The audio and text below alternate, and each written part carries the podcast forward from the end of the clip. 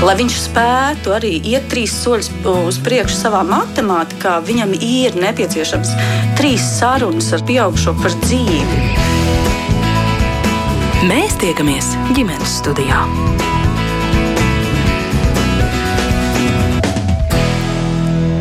Labdien! Priecājos sveicināt jūs visus ģimenes studijas klausītājus. Mans vārds ir Agnese Linka, šī redzījuma producente ir Ilza Zvaigzne. Šodien pēc klausītāju intereses un arī rosinājuma mēs gribam runāt par hormonālo kontracepciju. Kādā vecumā pieļaujama tās lietošana, kādiem mērķiem šis kontracepcijas veids ir uzskatāms par piemērotāko un kādas ir jaunākās atziņas par šo reproduktīvās plānošanas metodi. Uzklausīsim speciālistu viedokļus šodien kopīgi ģimenes studijā. Un, kā vienmēr arī jūs klausītāji, lūdzu Lūdzu, jautājiet, dalieties savā pieredzē, sūtiet mums ziņas no Latvijas radio mājaslapas raidījumā ģimenes studija. Kopā ar mums šodien ģimenes studijā ar savām zināšanām dalīties un uh, laipni gatavas. Paldies viņām par to Bērnu Kliniskās universitātes slimnīcas bērnu ginekoloģa dzemdību speciālista Lāsma Līdaka. Labdien! Labdien! Un sveiciens ģimenes studijā arī Rīgas dzemdību nām ginekoloģijai, dzemdību speciālistē Latvijas ginekologu un dzemdību speciālistu asociācijas prezidentē Vijai Veisai. Labdien! Iesākumā es gribu lūgt jūs raksturot ainu tā nedaudz vispārīgi. Nu, kādā vecumā, pie kādiem nosacījumiem, kādos apstākļos, situācijās vispār meitenes nonāk eh, pirmo reizi pie jums, pirmo reizi pie ginekologa? Lāsma, sāksiet lūdzu. Jā, nu, eh, protams, mana darba specifika ir tā, ka es strādāju tieši ar bērniem un pusauģiem, un lielākoties tā, tā ir man 90% no maniem pacientiem ir tieši bērni un pusauģi.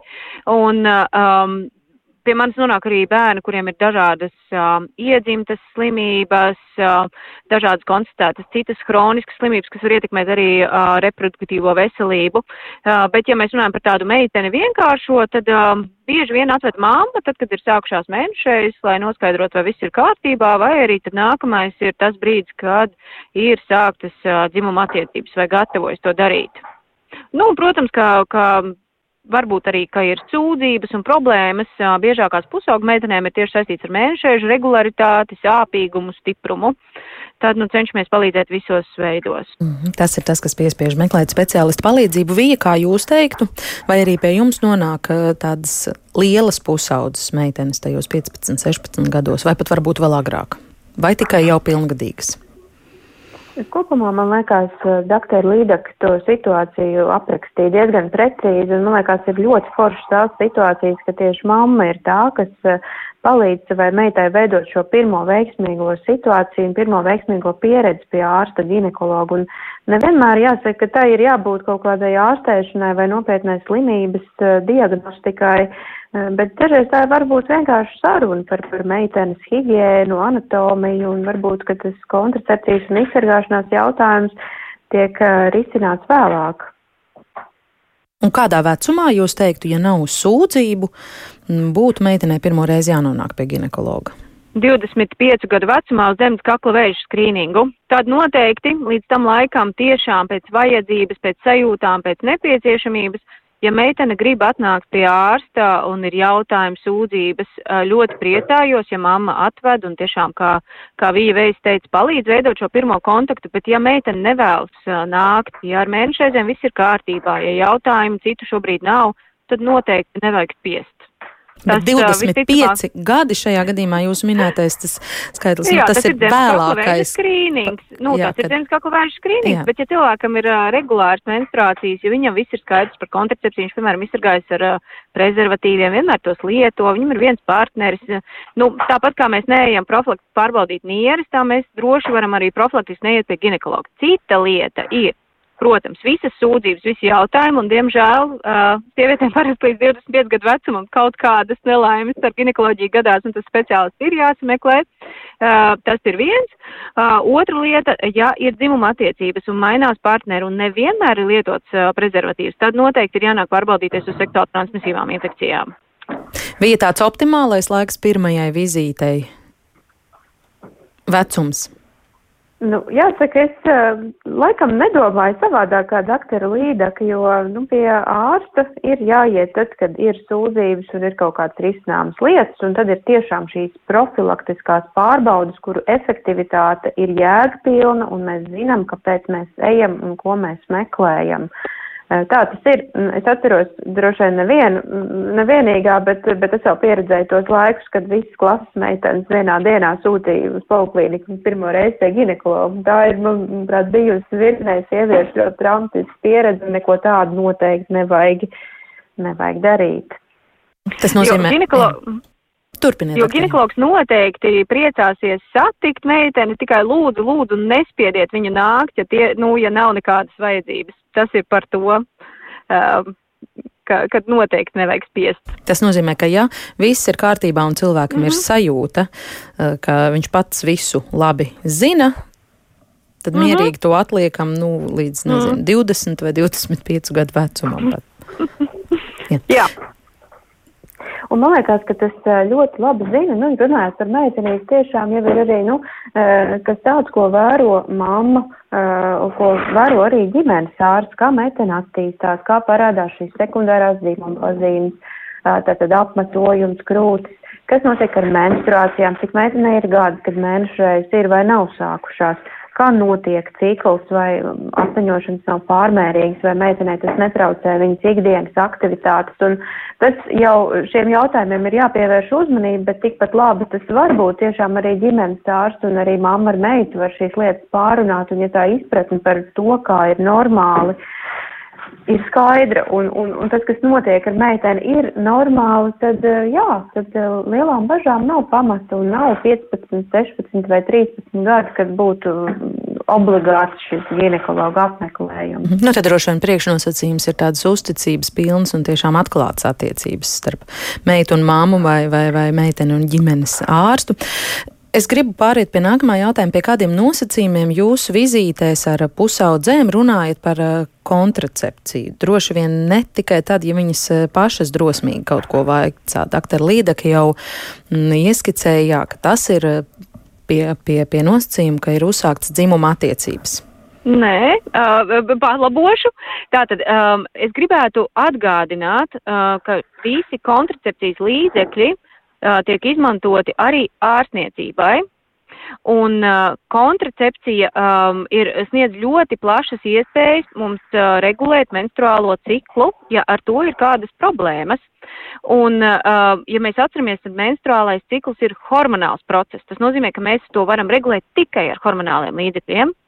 Un reizēm ir situācijas, kad ārstnieciskos nolūkos, un pat nereti, diezgan manā darbā tas ir tiešām bieži, kad ārstnieciskos nolūkos mēs izrakstam uh, hormonālās kontracepcijas līdzekļus arī meitenēm, kuras nedzīvo dzimumdzīvu un pat negar, negrasās to darīt. Bet viņām, piemēram, ir smaga menstruāla asiņošana, uh, kā rezultātā ir mazasinība, vai viņām ir izteikta akne, un te nav runa par teiksim, pusauģu pumpām, kur ir divas pumpiņas un, un meitene tāpēc uztraucās un neiet ārā no mājas, ir, ir meitenes, kurām sāp āda no tā, cik viņām ir izteikta akne. Um, līdz ar to tas ir tas veids, kā mēs varam palīdzēt. Vai arī, piemēram, ļoti sāpīgas mēnešreizes, kad meitene neiet uz skolu visu menstruāciju laiku, izvairās no sporta nodarbībām, uh, kavē skolu, uh, jo um, jo viņai ļoti sāpīgs mēnešais un ar precāpu līdzekļiem nav, nav, nav, nav, nav iespējams palīdzēt. Un, uh, un tas ir tas veids, kā mēs varam ar hormonālās kontracepcijas līdzekļiem daudzas no šīm problēmām risināt un regulēt. Un jā, protams, arī kontracepcija kā izsargāšanās no grūtniecības jā, ir jautājums, par ko tiek runāts tajā brīdī, kad tas kļūst aktuāli. Tā tad atnāk uh, jauna sieviete vai meitene pie jums, jūs noskaidrojat, vai ir šīs dzimuma attiecības, un ja mēs runājam par kontracepciju kā izsargāšanās metodi, tad, uh, tad kas ir tas, ko jūs uh, iesakāt uh, pusauģu vecumā? Kādus kontracepcijas veidus? Um, pusauģu vecums pats par sevi nav iemesls ne uh, aizliegt lietot kādu kontracepciju, ne noteikti viņu ieteikt. Uh, kontracepcija pasaulē ir jau 60 gadus. Tas nozīmē, ka tām sievietēm, kas lietoja to, jau ir piedzimuši mazbērni. Un mēs ļoti, ļoti skaidri zinām, kas var būt un kas nevar būt. Un Pasaules veselības organizācija mums lieliski nāk tālāk. Mums ir grāmata Medical Eligibility Criteria for Contraceptive Use. Tur ir uh, gandrīz 300 lapas puses ar rekomendācijām, kādās situācijās mums ir jābūt piesardzīgiem un kas mums ir jāņem vērā, izrakstot visas kontracepcijas metodes.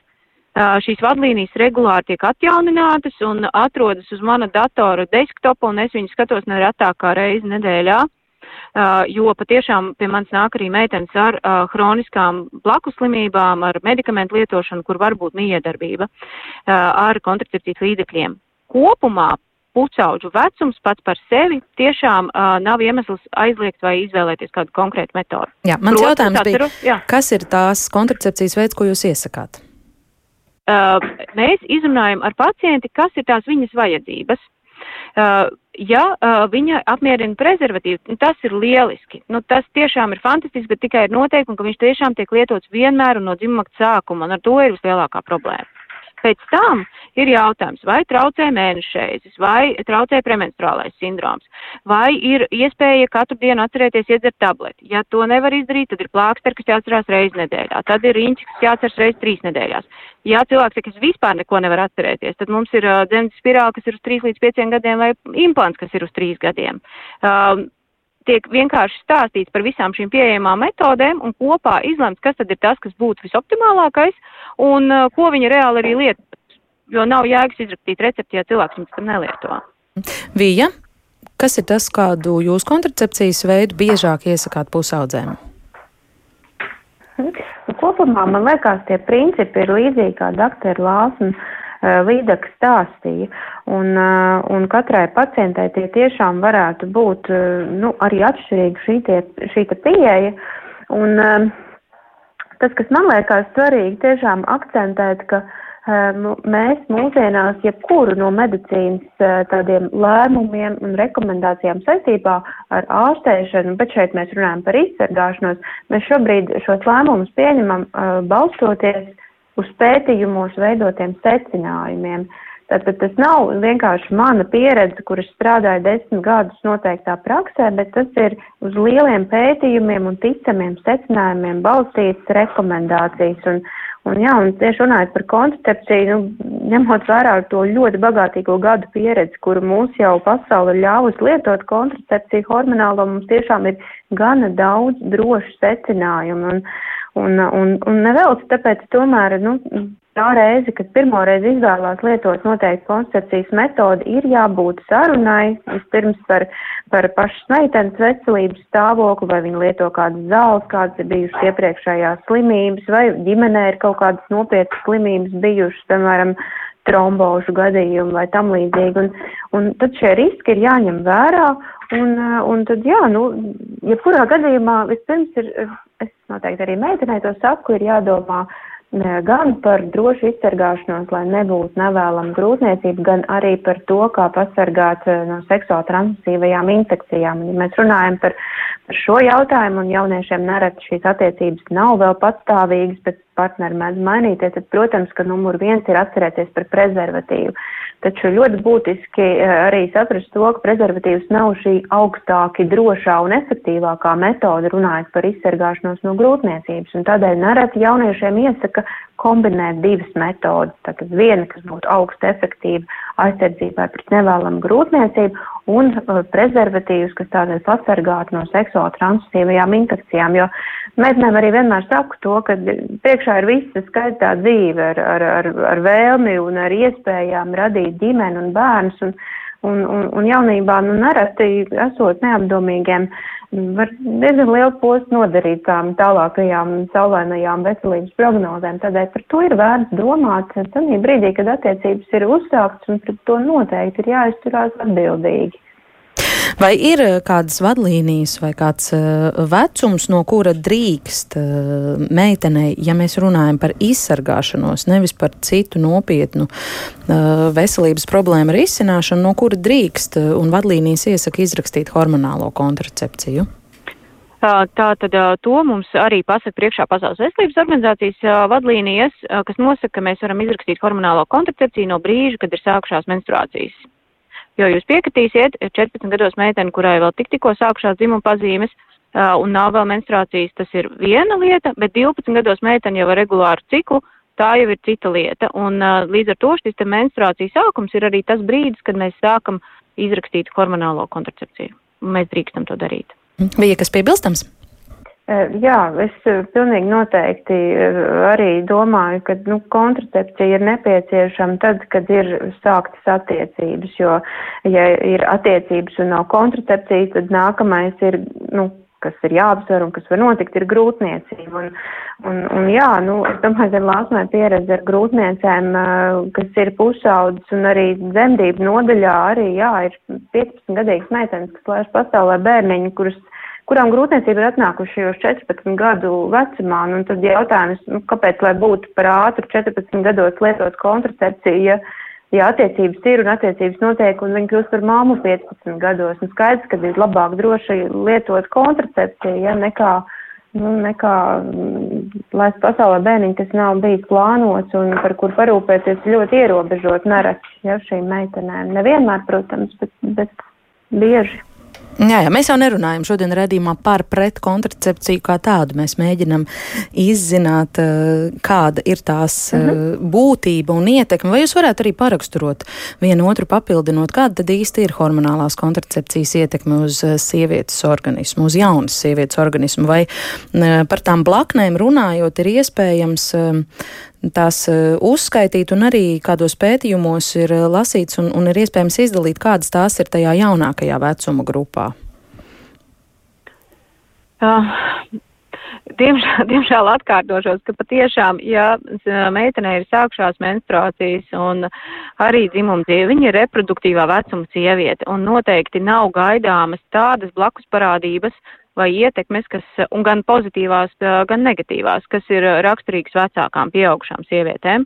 Tātad pirmie, ja mēs runājam par kombinēto hormonālo kontracepciju, kas ir tā klasiskā izpratnē tabletes, bet mums ir arī plāksters un riņķis, tad pirmie trīs mēneši noteikti ir pierašanas periods, varbūt neregulāri smērējoši izdalījumi, var izmesties pumpas nedaudz, var pietūkt krūtis, um, var būt slikta duša. Var arī tas viss nebūt. Pēc trīs mēnešiem menstruācijas kļūst regulārākas, vājas un nesāpīgas lielākoties. Ja tas tā nenotiek, atkal mēs varam šo metodu pielāgot un mainīt. Ilgtermiņā hormonālās kontracepcijas lietošana visām sievietēm, neatkarīgi no tā, cik viņām ir gadi, samazina olnītas un dzemdes vēža attīstības risku, neietekmē spējas ieņemt bērniņu nākotnē, vienalga vai tas notiks pēc tam 16 gadu vecumā vai 29 gadu vecumā, neietekmē svaru, par to ir ļoti, ļoti daudz pētījumu, un ir skaidrs, ka kauzalitāte, šis te cēloņa sakarība, kā tabletes vai jebkur cita kontracepcijas, hormonāla kontracepcijas metoda varētu ietekmēt svaru, nav konstatēta lielos, plašos pētījumos. Un vienīgā tiešām nopietnā blakus parādība, no kā mēs baidamies, ir asins receptu trombu veidošanās risks, un te es teiktu, ka ir ļoti svarīgi, lai meitene būtu informēta par savu ģimenes anamnēzi vēsturi, īpaši, viņa nāk viena pati, jo ja pirmās pakāpes radiniekam, tas ir mamma, tētis, brālis, māsa, līdz 50 gadu vecumam ir bijusi, bijusi plaušu artērija tromboembolija, insults vai infarkts, mēs nevaram izrakstīt kombinēto hormonālo kontracepciju.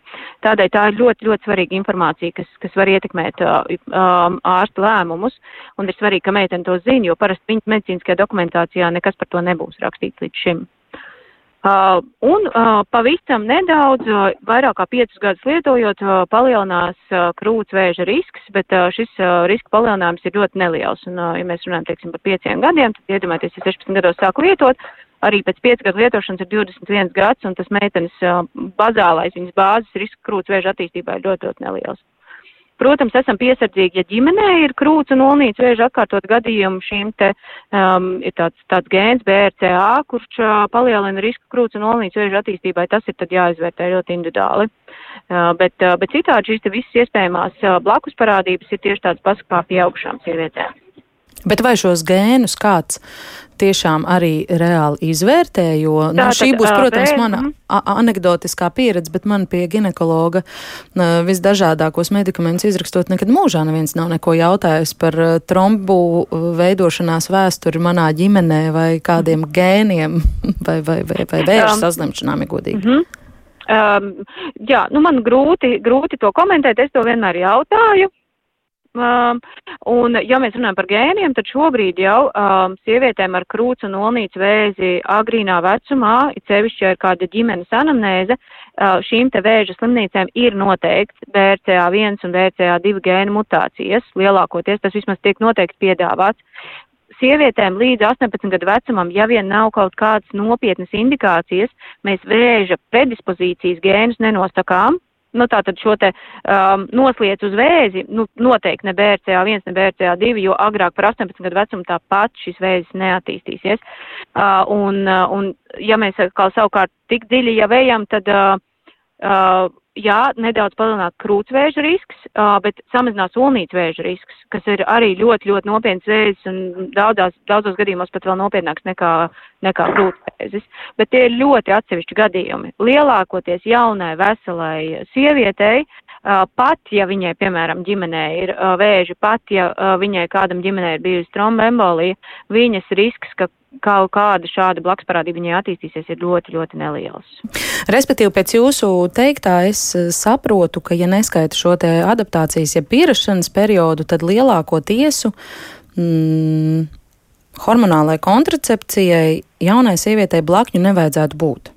Nē, nu, viņa, teiksim, drīzāk, tā, viņa var neatrisināt visas tās problēmas un vēlmes un gaidas, kā, kādas uz to ir liktas.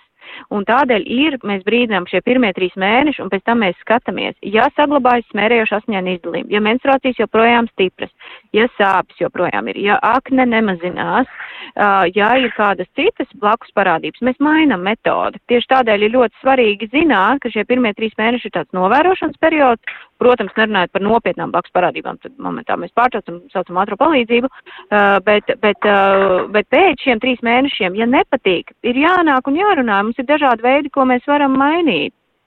Jo hormonālā kontracepcija nedarbojas uz priekšu. Viņa darbojas tikai, kamēr to lieto. Bija, ko piebildīsiet, komentēsiet kolēģei? Par blaknēm. Jā, nu, jā, e, tātad e, vēlreiz varbūt šis jautājums, ko jūs arī minējāt, ka man nekad neviens nav nu, testējis gēnus. Ja? E, ziniet, tas jau dažreiz ir ietērts šajā jautājumā, vai jums ģimenē kāds slimo ar vēzi, vai jūsu mamma vai mammas mamma ir slimojusi ar vēzi, vai, vai, vai trombiem. Vai tuvos, jā, vai trombiem, vai ir bijis tētim mammai miokarda infarkts vai insults agrīnos gados. Tie ir, nu, tie ir šie jautājumi par ģimenes slimībām. Bet jāsaka, tiešām, kur varu arī piekrist, nereti cilvēki to nezina. Viņi zina, jā, kaut kas tur bija, o, nē, bet īsti skaidri nezinu. Nu, īstenībā mēs diezgan mazliet ģimenē dalāmies ar šādu personīgu informāciju, un tas nav labi, jo dažreiz tas var, diež, diemžēl, arī ļaut paslīdēt garām kaut kādiem nopietnākiem riskiem. Uh, jā. Bet uh, kopumā es varu piebilst, uh, piekrist tam, ka uh, vairumā gadījumu mēs varam droši izvēlēties jaunai veselai meitenei hormonālu kontracepciju, ja, un ja vēl esam uzdevušos jautājumus un izrunājuši un guvuši atbildes, tad, nu, tad nu, nevajadzētu būt nekādām lielām bažām. Gal galā pasaulē tā ir ļoti plaši lietota metode jaunām sievietēm un Un, un, ja būtu šāds bažīgums, ka tas ir kaitīgi vai, vai, vai kā savādāk bīstami, tad noteikti 60 gadiem šie secinājumi būtu izdarīti. Kom, hormonālā kontracepcija, kā jūs jau arī to pieminējāt, ir pieejama dažādos veidos, gan kā šīs ikdienā lietojamās tabletes, gan arī uz ādas līmējums plāksteris vai mākstī ievietojams riņķis. Kas ir tas, ko jūs tieši par jaunām pacientēm, jaunām meitenēm domājot, iesakāt biežāk? Tablets, plāksteri vai riņķi lāsmu varbūt sāciet tad jūs? Tā problēma ar tabletēm ir tā, ka viņas ļoti bieži uh, neatcerās iedzēt. Līdz ar to tā ir tā saruna par to, ko meitene ir gatava atcerēties, ko es minēju jau pašā sākumā, jo dažas pacienti saka, ka viņas pat reizi nedēļā neatcerēsies, un to es redzu arī praksē. Un tad var domāt par maksti ievietojumu riņķi, bet ja arī tas nedara, tad var domāt arī par spirāli vai implantu. Vai tās ietekmes Jā. Eh, ir atšķirīgas? Es papildināšu, Vī, jūs arī tad varēsiet mhm. varbūt uzreiz atbildēt, vai tiešām tā ir tabletīte, kas iet caur manu gremošanas traktu katru dienu, vai tas ir eh, plāksteris uz ādas, vai, vai šis te lokāli ievietojamais riņķis? Nu, tas, ka tas ir kaut kādā koncentrācijā, mm, lieta, kas ta, izdala ta, šo mm. manā ķermenī, vai tur ir atšķirība, vai pa mazai devai katru dienu, vai reizi mm, nedēļā, vai reizi trīs nedēļās? Ja mēs runājam par tā, metodēm ir, ir divas, divas lietas. Viena ir drošība, tas nozīmē to, cik liels ir risks, ka notiks kaut kas slikts šo metodu lietojot. Un otra lieta ir efektivitāte. Atcerēšanās tātad, jā. Jā, jā nu būtu tā, visvairāk to ietekmē tieši atcerēšanās. Protams, arī pati metode par sevi. Ja? Tātad drošība nemainās. Mums tāpat ir jāņem vērā, ka, piemēram, pacientiem vienalga, cik viņām gadi ar smagu aknu cirozi, mēs nevaram izrakstīt kombinēto hormonālo kontracepciju, jo viņa jebkurā gadījumā pārstādājas ar aknām. Bet ja mums nav nopietnu aknu slimību, tad šī ietekme tam, ka, ka, tam, ka tableti tiek norīta un ir pirmais, pirmā, pirmā vieta, kur viņas pārstādājas ir aknes vai ādai, tas ir tā kā mazāk izteikts, tas tam nav lielas klīniskas nozīmes. Ja mums nav smaga aknu patoloģija. Bija? Ja mums ir, tad mums ir atkal mhm. jāskatās, jā. Mm -hmm. Jā, šeit gribu arī teikt, ka mūsdienās tomēr ir arī daudz veidi, kā likt sev atcerēties lietas, jo mēs jau paši zinām, cik daudz ir visādi pienākumu un, un, un, un darbu, un nerunājot tikai par hormonālas koncepcijas atcerēšanos, un ir dažādas aplikācijas, gal galā kaut vai vienkārši atgādinājums, pulksten deviņos vakarā, lai ieskanās signāls savā tālrunī un, un atgādina iedzert tableti. Un, eh, un jāsaka, ka eh, nu, šīs metodas, kas ir eh, nevis katru dienu jālieto kā tablets, bet, piemēram, plāksters vai rīņķis vai, vai arī implants vai spirālī, tātad, principā, nu, nodrošina iespējams vien, vienmērīgāku šo te hormonu uzsūkšanos, kas arī no tādām visveidas svārstībām varbūt pasargā sievieti, un tas katru dienu ir nu, tādā noteiktā līmenī. Uh, Bet, ja mēs runājam par to, mm, kā iedarbojās šie hormoni, tad nu, būtiska starpība ir tajā, ka lietojot hormonālu kontracepciju, vai tas ir riņķis vai plāksters vai tablets, tad, tad tiek nomākta ovulācija. Nu, nenotiek olnīcas šī ikmēneša gatavība uh, apaugļoties. Un, un tas ir tas galvenais mehānisms, neraugoties uz to, vai tiek lietots plāksters, rīņķis vai tableti, tas ir tas veids, kā, kā tas darbojas. Mm. Vai 15, 16, 17 vai 18 gadu vecumā nomācot um, ovulāciju, tam var būt kādas paliekošas sekas uz sievietes reproduktīvo veselību? Nē, hormonālas koncepcijas lietošana neatstāja negatīvas sekas uz spēju ieņemt bērnu vēlākā vecumā. Tātad pārtraucot lietot auglība, jeb spēja palikt stāvoklī atgriežas eh, tā, kā viņa būtu bijusi bez lietošanas. Lāsmas ceru, ka Jā, tā domā. es, es, es jau vilku elpu, lai tieši to arī teiktu. Par to, par to nav, jābaž, nu, nav jābūt bažām. Bet ko es gribētu arī teikt, ka ja, piemēram, meitenei ir neregulāras menstruācijas, un mēs izrakstam hormonālo kontracepciju, arī, lai izsargātos, arī, lai regulētu menstruācijas, tad, kad viņu beigs lietot, tad vai nu organisms pats būs sakārtojies, nostabilizējies, un menstruācijas būs regulāras, vai atkal viņas atpakaļ būs neregulāras. Bet tas nebūs saistīts ar to, vai ir vai nav lietot hormonālā kontracepcija. Viņa tiešām beidz darboties tad, kad beidz lietot. Pierādījums tam ir tas, ka pat aizmirstot vienu tableti, neveiksmīgā brīdī var iestāties grūtniecība. Jā, te nu man laikam tomēr ir nedaudz jāatgriežas uh, nesenā pagātnē, kad iepriekšējo reizi mēs runājām par šo tematu ģimenes studijā, un mums tiešām palika daži mm, kolēģu raidījumā nekomentēti klausītāju viedokļu laika trūkuma dēļ. Tāda, nu, pieredzes eh, stāsti es nolasīšu dažus no tiem, jo tieši šķiet ir tieši ļoti saistīti ar to, par ko uh, šobrīd mēs runājam. Un tad jūs varēsiet uh, arī komentēt, vai tā ir atkal tāda anegdotiskā pieredze. Mm, Antra rakstā, es esmu staigājošs piemērs pret hormonālo kontracepciju. Man ir 43 gadi, divi dēli ar 11 gadu starpību, bet, kad vēlējos trešo bērnu, es saskāros ar līdz šim man nezināmo. Pēc pirmā bērna sāku lietot hormonālo kontracepciju, protams, ginekologi ieteiktu, mocījos ar migrēnu, kuru pētīja dažādi speciālisti, bet izrādījās, ka viss ir vienkārši, to izraisa hormonālā kontracepcija. Pirms trīs gadiem vienā jaukā dienā ar mani notika dīvaina lieta, nokļuvu slimnīcā, tromps kakla artērijā, iemesls hormonālā kontracepcija. Pirms četriem gadiem zaudēja grūtniecību. 13. nedēļā pēc ilgiem pētījumiem konstatēts pilnīgi izjaukta organismu hormonālā darbība. Ja es dzīvotu Amerikā, es varētu iesniegt prasību pret savu bijušo ginekologu, varbūt pret zāļu ražotāju, varbūt vēl kādu paķert līdzi un pieprasīt miljonu kompensācijās par sačakarētu veselību un dzīvi. Tā raksta šī klausītāja. Nu, man liekas, ka te uzmanība jāpievērš tai vienai frāzei par to zaudēto grūtniecību. Pēc ilgiem pētījumiem konstatēts izjaukt organismu hormonālā darbība. Šis, protams, nav stāsts par, par pusaugu meiteni vai par, par jaunu sievieti, bet par sievieti, kurai jau ir divi bērni. Kā jūs eh, to komentētu? Viņas rakstīto. Vija?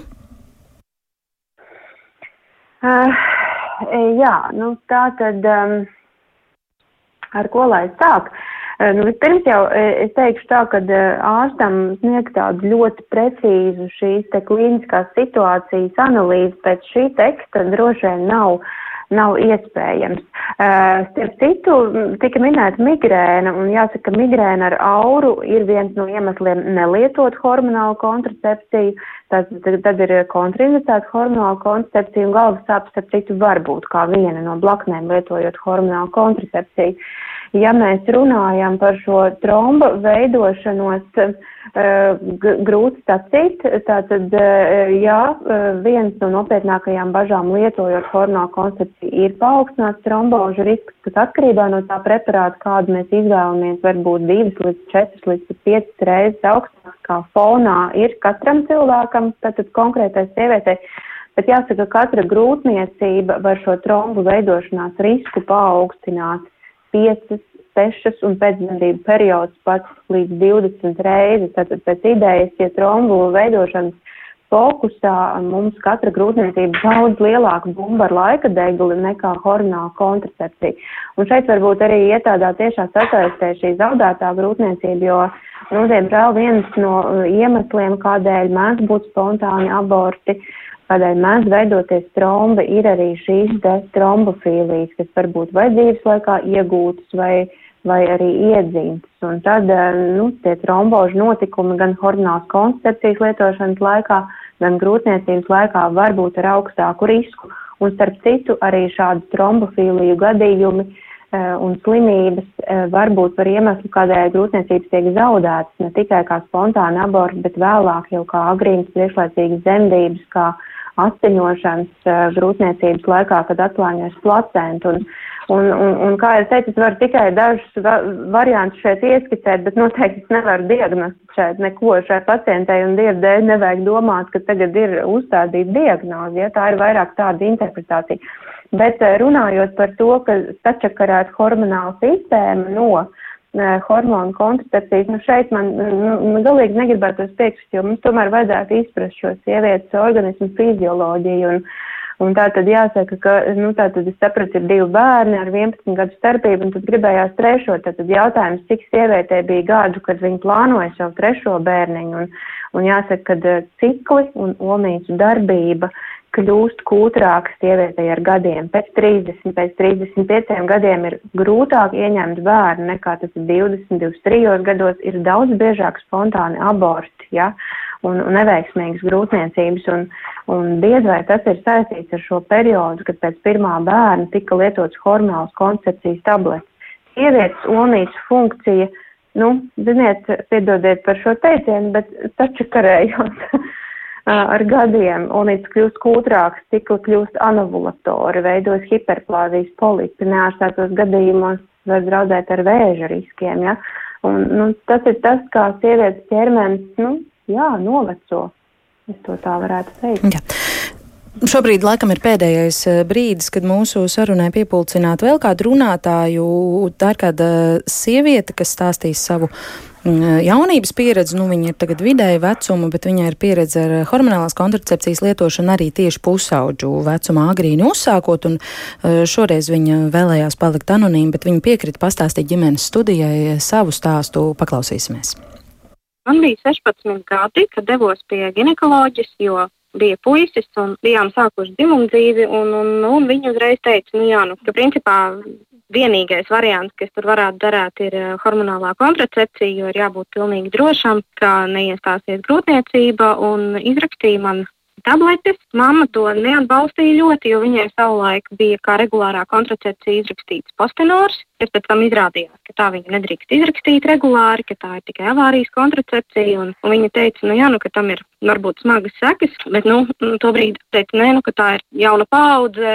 To, ko man stāstīja arī doktori, ka tā ir jauna paudze un ka tas ir droši un ka pusauģiem tas ir kā reiz labi, jo tur ādai būs labāk un cikls būs regulārāks. Principā, ka tam ir ļoti, ļoti pozitīva ietekme. Sāku viņu lietot, un man jau ir jāsaka tā, ka man jau nebija arī izpratnes par to, kā būtu kopumā jājūtās. Jo to, kāda ir bijusi tā ietekme, es drīzāk varēju spriest tikai tad, kad es viņu pārtraucu lietot, un tas bija pēc pieciem gadiem, aptuveni pēc pieciem gadiem.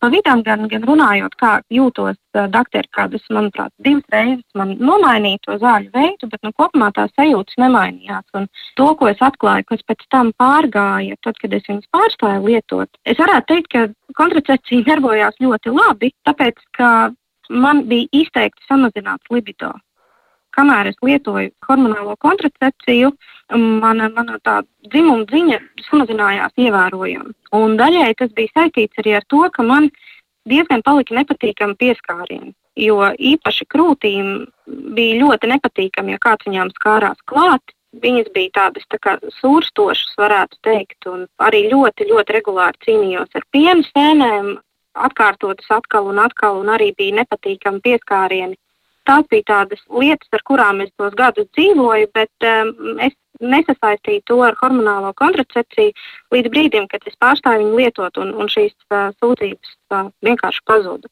Un uh, pārstājis lietot hormonālo kontracepciju arī tāpēc, ka vienkārši nomainījās ginekoloģe. Uh, viņa paprasīja, cik ilgi es esmu lietojusi zāles. Es teicu, ka piecus gadus, un viņa teica, zini kā, bet, nu, manuprāt, ir vajadzīga pauza.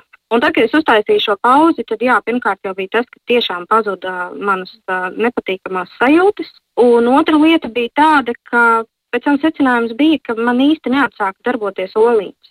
Man uh, ļoti ilgi neatsākās ovulācijas, un tad bija tāds posms, kad man bija nu, nedaudz pāri pa 20 gadiem un nedarbojas olītes. Un tas bija diezgan biedējošs laiks, jo mēs ar vīru tobrīd apsvērām domu, ka varbūt nu, ja ne gluži tuvākā laikā, tad arī nu, ne gluži tālā nākotnē mēs to bērniņu gribētu. Un bija posms, kad nebija skaidrs, vai tas būs iespējams un kas notiks tālāk. Kaut kad pusgada laikā atjaunojās sūnīcu darbība, bet, nu, teiksim tā, neregulāri un ne tā pa vienkāršo. Vai tam ir saistība ar hormonālo kontracepciju, vai tā vienkārši bija mana ķermeņa īpatnība, par to es, es neņemos spriest, tāpēc, ka brīdī, kad es sāku lietot hormonālo kontracepciju 16 gados, nevarētu jau teikt, ka tobrīd es būtu varējis spriest par to kopumā, kāda man ir reproduktīvās sistēmas darbība. Runājot tagad ar ginekoloģiem, arī tā atkal ir runa par to, ka tagad ir citas paudzes zāles un ka viņas mēdz būt citādākas. Atkarīgs kā kur ginekoloģi. Teiksim,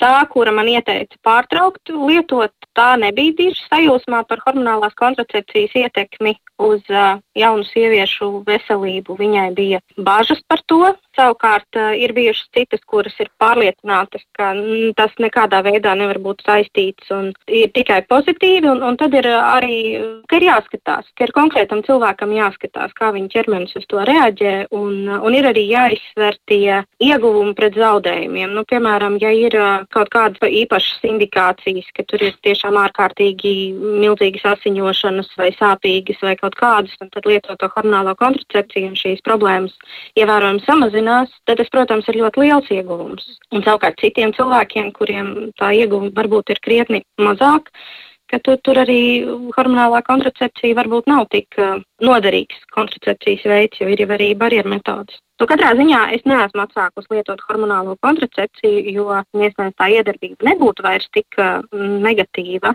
Tomēr, teikšu godīgi, man nav vēlēšanās mēģināt. Tāds lūk, vēl viens stāsts šodien ģimenes studijā. Es atgādināšu, ka mēs šodien runājam par to, vai ieteicam hormonālās kontracepcijas lietošana agrīna pusauģu vecumā un sarunā piedalās Bērnu Kliniskās universitātes slimnīcas bērnu ginekoloģu un dzemdību speciālisti Lāsma Līdaka un Rīgas dzemdību nama ginekoloģu dzemdību speciālisti Latvijas ginekoloģu dzemdību speciālistu asociācijas prezidenta Vija Veisa.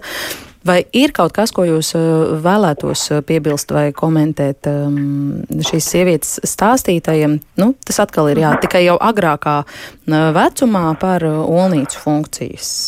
Uh, Gribētos sākt ar, ar beigām, ar um, to, ko pati mm, klausītāja arī stāstīja par ieguvumiem un zaudējumiem, ka tas vienmēr ir tas jautājums, kāda ir ieguvuma, kāda ir zaudējumi. Uh, un, un um, tiešām ir situācijas, ka, ka tie ieguvumi ir tik milzīgi un tie iespējamie zaudējumi, uh, kur var būt un var pat nebūt saistīti ar uh, hormonālās kontracepcijas lietošanu, nu, tā kā nenostājas blakus, ka tie iegūmi ir daudz, daudz lielāki. Tā ir viena lieta. Otra lieta ir noteikti ir vajadzīga šī saruna ar ginekoloģu. Viņa arī minēja, ka ginekologs ir mainījis metodas, jo, nu jā, mums organisms arī mainās. Mēs viņam stāstīja par laiku posmu no 16 līdz 21 gadu vecumam. Nu, cilvēks piedzīvo milzīgas pārmaiņas visās jomās. Uh, un, uh, un, un, un noteikti uh, varu gadīties, ka parādās kaut kādas sajūtas vai, vai traucējošas lietas, kas pirms tam nav bijušas. Un es gribētu tomēr paplašināt šo tēmu par hormonālo kontracepciju, tās nav tikai tabletes, tā ir, piemēram, arī hormonālā spirāle, kas vispār darbojas, šīs te nelielo devu hormonālās spirāles darbojas tikai lokāli, uz reproduktīviem orgāniem viņām nav sistēmiskas darbības, un var iegūt ieguvums, mazākas menstruācijas, mazāk menstruāla asiņošana, mazākas sāpes, bet nedzert, piemēram, kombinētos hormonus, kur ir arī estrogēns klāt, kur ir nu, sistēmiska darbība. Tas viss noteikti ir, ir izcināms un skatāms. Ja, nedzemdējušām no... meitenēm, sievietēm iesakāt arī jā, hormonālās jā, spirāles šobrīd? Nav nekāda problēma mums ievadīt uh, spirāli, ne vāra, ne hormonālo arī sievietēm, kurām nav bijis neviena grūtniecība. Uh, protams, ka ir jāskatās, vai, vai meitene ir mieru to darīt, viņas bieži vien baidās, un saprotam, arī šī ievadīšana, protams, nav ļoti patīkama, bet, nu, metode darbojas 3 līdz 5 gadus atkarībā no spirāles veida, līdz ar to tā ir ļoti apsverama lieta daudzām meitenēm, sievietēm. Jā, mums uh, ir ļoti, ļoti, ļoti daudz jautājumu par uh, blaknēm jau pieminētajām. Tad vēlreiz, vienreiz par visām reizēm iziesim uh, tām cauri. Nu, piemēram, Māra mums raksta visas man pazīstamās sievietes, kas lietojuši hormonālās tabletes, pašas jaunākās uh, un smalkākās trešās paudzes ir saskārušās ar tādām problēmām kā maksts sausums, garstāvokļa problēmas, galvas sāpes, regulāra sēnīte, kas pāriet momentā pēc tablešu lietošanas. Un nevienā gadījumā nezinu, ka ginekologs kaut ko jautātu vai izvērtētu pirms hormonālo līdzekļu izrakstīšanas. Nu, mhm. Tātad tās blaknes noteikti nav saistāmas ar hormonālo kontracepciju. Pieminētās. Nē, tā nevarētu teikt. Galvas stāpes var būt viena no blaknēm. Arī to, ka varētu būt biežāk novērojama piena sēnīt, lietojot hormonālu kontracepciju vai spirāli, arī varētu būt saistīta šī te Es piemirstu, kas bija vēl. Nu, nu jā, par šo libido, starp citu, interesanti lās, mēs gribētu pārunāties ar tevi par šo tēmu, ja? Bet, nu, t, nu, libido vispār, jā, tad vēlme mīlēties ir ļoti, ļoti kompleksa lieta. Un, un, un, un Citreiz sievietes atnāk pie ārsta un, nu, lielākā vecumā es nenāk pie jaunām pusaudžu meitenēm, bet saka, ja notikiet man visus hormonus, jo man liekas, ka man negribas mīlēties un noteikti hormoni ir vainīgi. Un jāsaka, ka novēl to visu tikai uz hormoniem mēs īstenībā nevaram. Tas ir ļoti multi iemeslu process. Un gluži otrādi varbūt ir sieviete, kur uzsākot lietot drošu kontracepciju, beidzot jūtās brīvi no nevēlamas grūtniecības, un viņā atklauks viņas sievišķība un vēlme mīlēties, un, un, un tas viss kļūst radoši un jauki, jo nav jāraizējas par tik triviālu lietu kā, kā prezervatīvs, piemēram. Tādēļ, eh, jā, bet no nu, otras puses, kā mēs zinām, ka šis dabiskais sievietes cikls ar ovulācijas brīdi, ar šīm hormonu svārstībām, uh, ja, nu, arī, protams, dod kaut kādu šo bioloģisko zinuli un var būt saistāms ar noteiktu ciklu laiku, kad ir lielāka vēlme mīlēties nekā, piemēram, citā periodā. Bet, Lāsum, kā, kā tev ir šis libido un kontracepcija, ko, ko, ko tu varētu mm -hmm. papildināt? Uh, es, es tev uh, piekrītu, ka ka ir ļoti, atkal, atkal, kā klausītāji ļoti precīzi teica, ieguvumi pret riskiem, jo, ja mums, piemēram, ir drausmīgs premenstruālais sindroms, ir ļoti sāpīgs ilgas menstruācijas, uh, ir bail no grūtniecības, nu, kāds libido, droši vien, ka diezgan, diezgan švaki. tā, tā ir viena lieta. Otra lieta, es gribētu tā kā rosināt. Uh, arī nevis, nu, nevispārināt. Nu, ja, ja ir slikta pieredze ar hormonālo kontracepciju, nu, nav viņa jālieto, bet, bet mans tas lūgums ir nebaidīt tos visus, kas uh, gribētu lietot uh, un kuriem iespējams šie ieguvumi noteikti atsvērtās iespējamās blakusparādības, viņiem varbūt nemaz nebūs. Uh, lai, lai tā ir tā individuālā saruna katram pacientam ar katru ārstu, un tad katrā situācijā arī tas tiks nolēmts, jo tas ir vistrakākais. Nu, tā, uh, visām, visām ir slikti, visām nav bērnu, visas paliek rēsnas. Nu, Bet to es varu arī savukārt izstāstīt daudzas citas, kuras nav ne rasnas, ne, ne ir bērni pēc tam un nav sēnīti un ir laimīgas. jā. Bet, zini, kas, es, es varbūt mazliet papildināšu. Man liekas, ka varbūt ka to fokus par kontracepciju runājot ir jāpamaina nevis hormonāli vai nehormonāli, bet gan augsti efektīva un mazāk efektīva mm. kontracepcija. Un jautājums ir jāsāk ar pacientu no šī punkta. Kā jūs savā dzīvē jūtaties, ja jums rītdien varētu gadīties pozitīvs grūtniecības tests? Vai tā jūsu ģimenē būs priecīga ziņa, vai tas ir tas, ko jūs gaidat? Kā jūs ar šo ziņu tiksiet galā? Vai tas ir pilnīgi tikai ne tagad, tikai ne ar šo partneri? Un tad, izējot no šī punkta, tad arī domāt par piemērotām konstatācijas metodēm, jo mēs viņus iedalām kā augsti efektīvas metodas ja, un mazāk efektīvas metodas. Un loģiski lietojot augstāk efektīvu metodu, mēs jūtamies drošāki, runājot par izceļošanos no grūtniecībām. Un gluži kā gribu šeit būs, tātad spirāli, parastā spirāli, šeit būs hormonāla spirāli, šeit būs implants, šeit būs hormonāla kontracepcija kombinēta, ja, vai plāks ar riņķi, tabletes, ja. Nu, un pie mazāk efektīvām piedara tad attiecīgi citas metodas. Nu, tajā skaitā prezervatīvs īpaši, ja tas netiek lietots korekti, uh, ja, spermicīdi, šīs barjeru metodas jau minētās. Nu, jā, nu. ir ļoti plaši lietot metodi, ko es pat pasauli vispār vairs nepiedēvē, nu, pie koncepcijas metodēm, bet Latvijā viņi fenomenāli populāri šis te pārtrauktais dzimumaks. Un, ziniet, ja pie manis atnāk jauna sieviete, kurai lieto šo izcergāšanās metodu, man liekas, Nu, tad arī viņi droši vien, nu, iespējams, arī tas telefons ir tas, kur mēs griežam ar rimbulīti un runājam klausulē. Ja? Jā, nu par to tas, droši vien laiku vairs netēlē, okay. netērēsim. Jā. Ātri mums jāpagūst vēl uz kādiem klausītāju jautājumiem, kas ir ļoti interesanti atbildēt. Laila vaicā, kādi tad būtu obligāti veicamie izmeklējumi vai analīzes pirms ārsts izraksta hormonālo spirāli, jo man recepti izrakstīja nepārbodot pilnīgi neko, kas man nešķiet normāli, tāpēc spirāli nemaz nenopirku un pie šīs ginekoloģijas vairāk arī nav vēlmes iet, jo nav uzticības par profesionālu profesionalitāti. Jā, nu žēl, žēl, žēl, ka ir tāda sajūta, bet uh, hormonālo, mēs runājam par hormonālo kontracepciju, uh, lielākajā daļā attīstītu valstu izraksta vecmāte pēc vienkāršas sarunas ar pacienti. Vienīgais, ko es gribētu pārbaudīt pirms hormonālās spirāles ievietošanas, noteikti ir seksuāli transmisīvas infekcijas pie jebkuras spirāles ievietošanas. Uh, bet nav tādas hormonu analīzes vai kāda cita veida analīzes, ko mēs varētu veikt, lai pateiktu, vai šī konkrētā metode konkrētajai sievietei patiks vai nepatiks, vai derēs vai nederēs, vai būs labi vai nebūs labi. To, tā, nav, tādu, nav tādu metožu, lai to noteiktu. Uh, un, un, uh, jā. Bet vēlreiz mazliet par to seksuālu transmisīvo infekciju diagnostiku pirms spirāles ievietošanas arī īstenībā tas ir atkarīgs no šīs pacientes uh, partneri. Ja šajās esošajās nu, attiecībās ir testēti partneri, ja partneri nav mainījušies, un tad arī mums šī analīze uz STS nav nepieciešams veikt, ja? Nu, jā, jā, protams, protams. Mm -hmm. es, es par savām pacientēm, man, es, es bez tā nē, jā, jā, tālāk nemaz, jā. Mm. Jā, mm, klausītāja Dats Latvijas radio mājaslapā raksta pati esmu saskārusies ar Latvijā slavenu ārstu ginekologu auglības speciālistu, kurš bija ļoti iepriecināts, kad dzirdēja, ka es nelietoju hormonālo kontracepciju.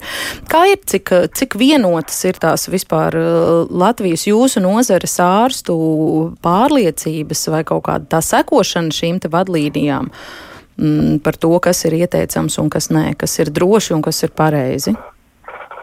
Vija, kā jūs teiktu? Nu, eh, jāsaka, protams, ka mēs eh, arī tādā savā profesionālajā vidē nu, ļoti cenšamies runāt par šiem uh, viedokļiem un rekomendācijām, kas ir pētījumos balstītas. Un, un mums visiem būtu tā jāstrādā un šādu lēmumu arī jāpieņem attiecībā uz pacientu ārstēšanu un uz arī kontracepcijas metodēm, kuras mēs iesakām.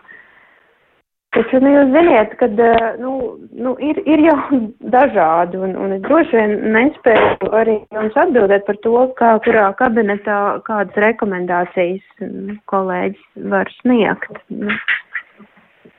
Jā, Lindas jautājums vēl tāds saistībā ar hormonālo kontracepciju, kura nekādā veidā neietekmējot reproduktīvo funkciju. Kā jūs izskaidrosiet pēdējo 20 gadu laikā dramatiski pieaugošos neauglības gadījumus tieši jaunu sieviešu grupā?